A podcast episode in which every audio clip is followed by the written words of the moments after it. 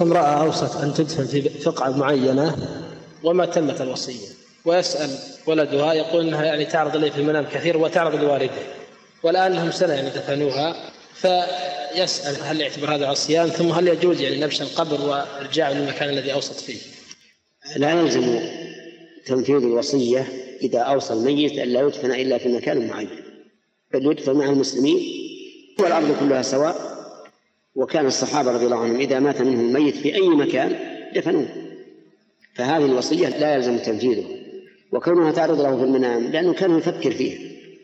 كان يفكر ومعلوم أن الإنسان إذا فكر في الشيء قد يراه في المنام.